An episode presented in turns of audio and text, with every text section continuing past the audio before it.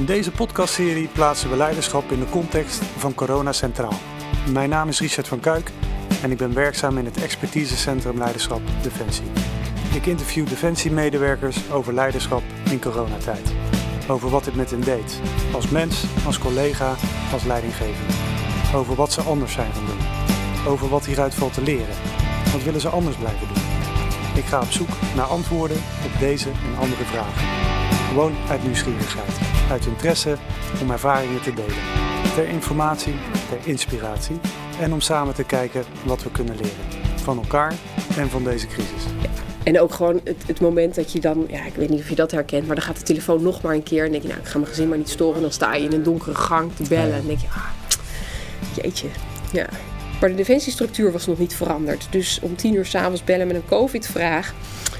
Ja, dat kon wel, maar wie, ging je dan, wie nam dan zijn telefoon op? Echt bezig ben in mijn geval dan met explosieven, dan geef je directief leiding. Maar dat is misschien maar 10% van je werktijd. En de andere 90% gewoon van hoe run je een schip. Wat heeft deze coronaperiode voor invloed gehad zeg maar, op jouw leidinggeven? Ja, ik denk wel dat met name de laatste periode, toen we echt uh, veel uh, positieve cases aan boord hadden, dus uh, veel besmette mensen. We hebben in totaal een capaciteit van 300 bedden en 92 eigen hutten eigenlijk. dus ja. eigenlijk 92 mensen zou je op zich in isolatie dan in quarantaine kunnen zetten. Maar dan kun je, voor de rest van de bemanning heb je dan geen plek meer. Op de luchthaven eigenlijk wel een... Uh, we werken in de vitale sector, dat is een cruciaal beroep. Dus eigenlijk gaat het werk door. Dus dat betekent ook dat de commandant hè, en uh, ik als zijn plaatsvanger eigenlijk bijna doorlopend aan het afwegen zijn. Wat is noodzakelijk en wat niet. Maar als je die negatieve emoties nou interpreteert als een soort waarschuwingssignaal.